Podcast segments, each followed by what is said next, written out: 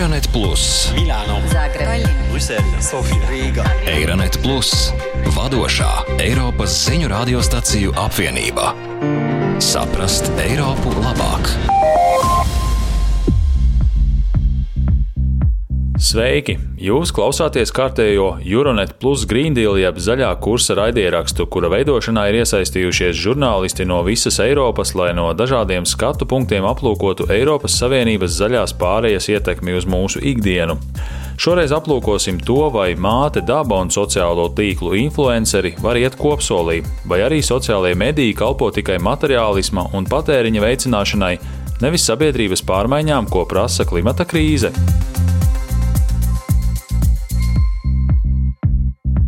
Saskaņā ar nesen publicētiem Eirobarometra aptaujas datiem, vairāk nekā ceturtā daļa informācijas, ko saņem Eiropas iedzīvotāji, nāk no sociālo tīklu platformām un blogiem jeb emuāriem. Savukārt jaunieši ir gandrīz pilnībā novērsušies no tradicionālajiem medijiem, apgalvo Polijas sabiedriskais aktīvists un influenceris Jans Spievaks, ar kuru sarunājās Polijas radio žurnāliste Katažina Semana. Dzisiaj debata publiczna, szczególnie jeśli chodzi o młodych ludzi, przeniosła się Sabiedriskās debatas, īpaši tās, kurās iesaistās jaunieši, ir pārcēlušās uz internetu, sociālajiem mēdījiem.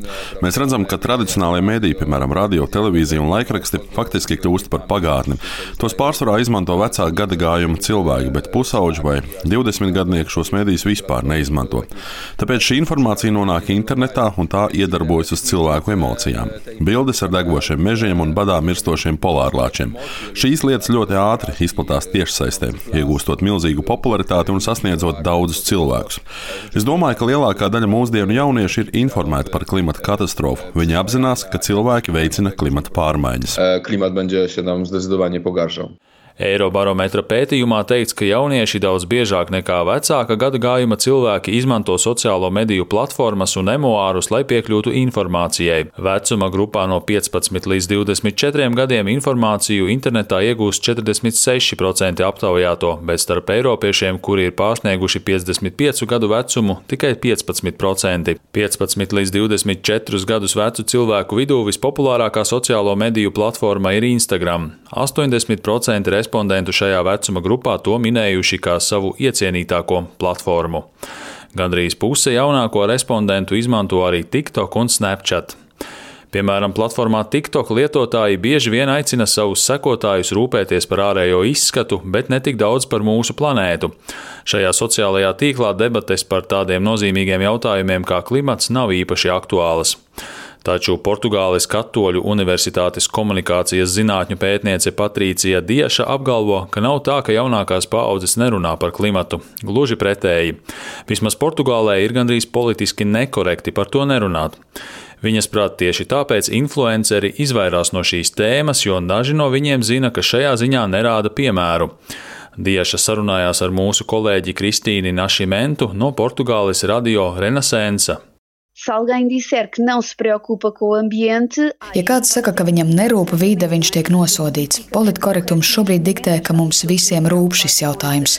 Es domāju, ka daži influenceri var izvairīties no šīs tēmas, jo pat ja viņi sevi uzskata par ļoti zaļiem, dažas lietas, ko viņi publicē par savu dzīvesveidu, var šķist tam neatbilstošas, kas patiesībā tā var nebūt.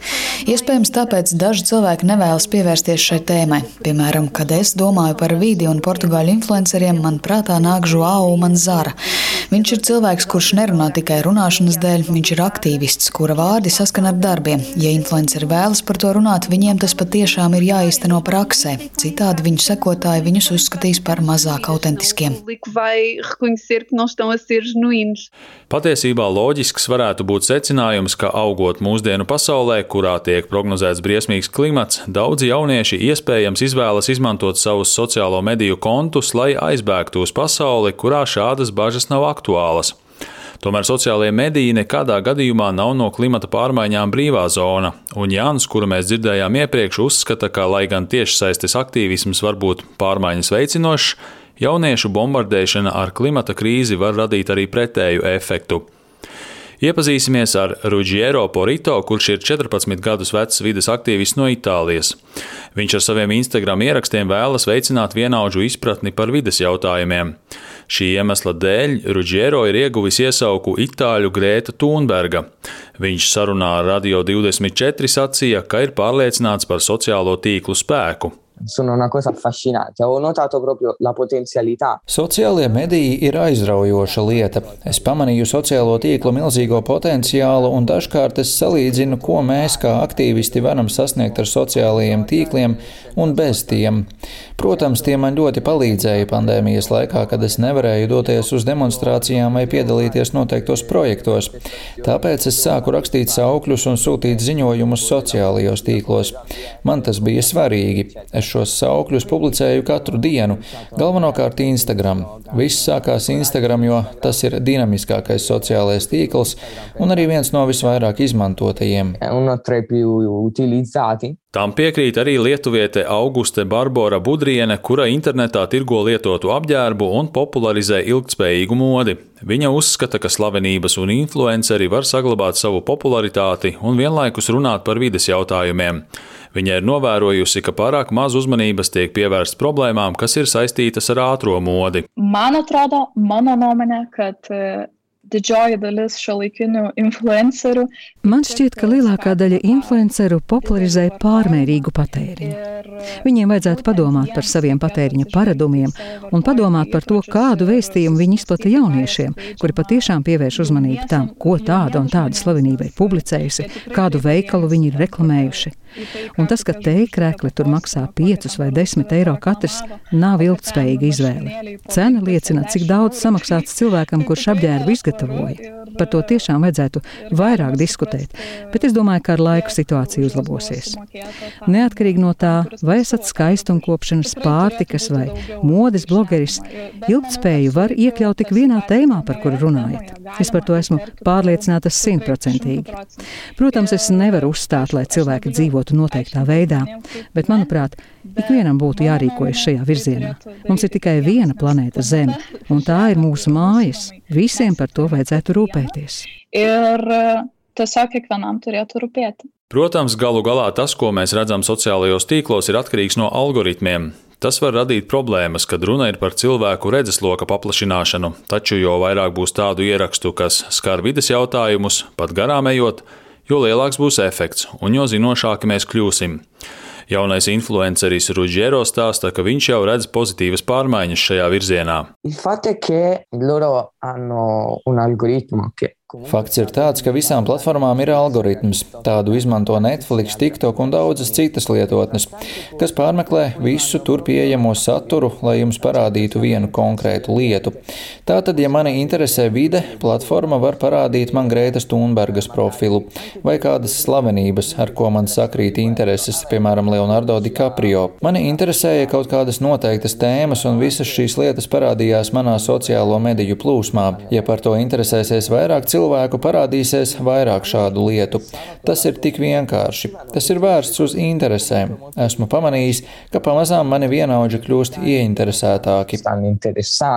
Kamila Etiēna ir pazīstama franču klimata aktīviste un influencere, kura galvenokārt darbojas Instagram. Viņai ir 24 gadi. Intervijā Beļģijas radiostacijai RTBF viņa pievienojas Rudžiero viedoklim un uzdod nākamo loģisko jautājumu.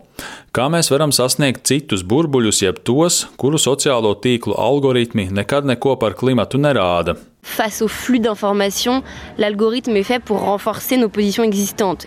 Ņemot vērā informācijas plūsmu, algoritmi ir izstrādāti tā, lai piedāvātu saturu, kas nostiprina mūsu izveidojušos viedokli par noteiktiem jautājumiem. Tāpēc izaicinājums ir, kā sasniegt citus cilvēkus citādā veidā. Es esmu atklājusi, ka to var palīdzēt izdarīt māksla un pat humors Mēs veidojam īsfilmas, iniciatīvas ar dejotājiem, spēļu filmas, mūziku. Šādā veidā mēs cenšamies uzrunāt cilvēkus, iedarbojoties uz viņu emocijām un ne tikai ar loģikas palīdzību. Dažreiz tas ļauj mums sasniegt cilvēkus, kuri citādi nebūtu pavadījuši pusstundu, lai uzzinātu par tādas un tādas sugas masveida izmiršanu. Īstenojot pārēju uz vidē draudzīgāku domāšanu un ņemot vērā sociālo mediju plašo pieejamību, uzmanību, ir svarīgi sekot līdzi tam, ko šīs platformas un tur esošie influenceri dara. Rumāņu influencere Andrejā Madlene tam piekrīt. Viņa sarunā ar Rumānijas radio stāstīja, ka viņa savā darbā cenšas būt sociāli atbildīga. Andrejā pazīst vairākus influencerus, kuri ir iesaistījušies vides kampaņās. Cred și sper din tot sufletul ca să se adune așa o comunitate. Es no sirds ticu un ceru, ka arvien vairāk cilvēku mobilizēsies un veicinās pārmaiņas. Un es domāju, ka mēs nevaram salīdzināt, nevaram likt vienā svaru kausā algoritmus, influencerus vai citas lietas, piemēram, dabas aizsardzības priekšrocības vai trūkumus. Mēs maksāsim daudz, daudz, daudz lielāku cenu, ja neko nedarīsim un vienkārši attaisnosimies vai liksim sev ceļā šķēršļus, sakot, ka mēs nevaram izdarīt to vai to. Protams, kur ir griba, tur ir arī ceļš. Varam secināt, ka influenceriem ir reāla iespēja iesaistīties cīņā pret klimata pārmaiņām, taču ietekme ir ne tikai influenceriem. Mums visiem vajadzētu paturēt prātā to, ka katru reizi, kad kaut ko publicējam savos sociālajos tīklos, mēs visi esam potenciālie influenceri. Tas arī viss šajā Euronet Plus Green Deal jeb zaļā kursa raidierakstu sērijā. Paldies, ka klausījāties, un līdz citai reizei! Eironet Plus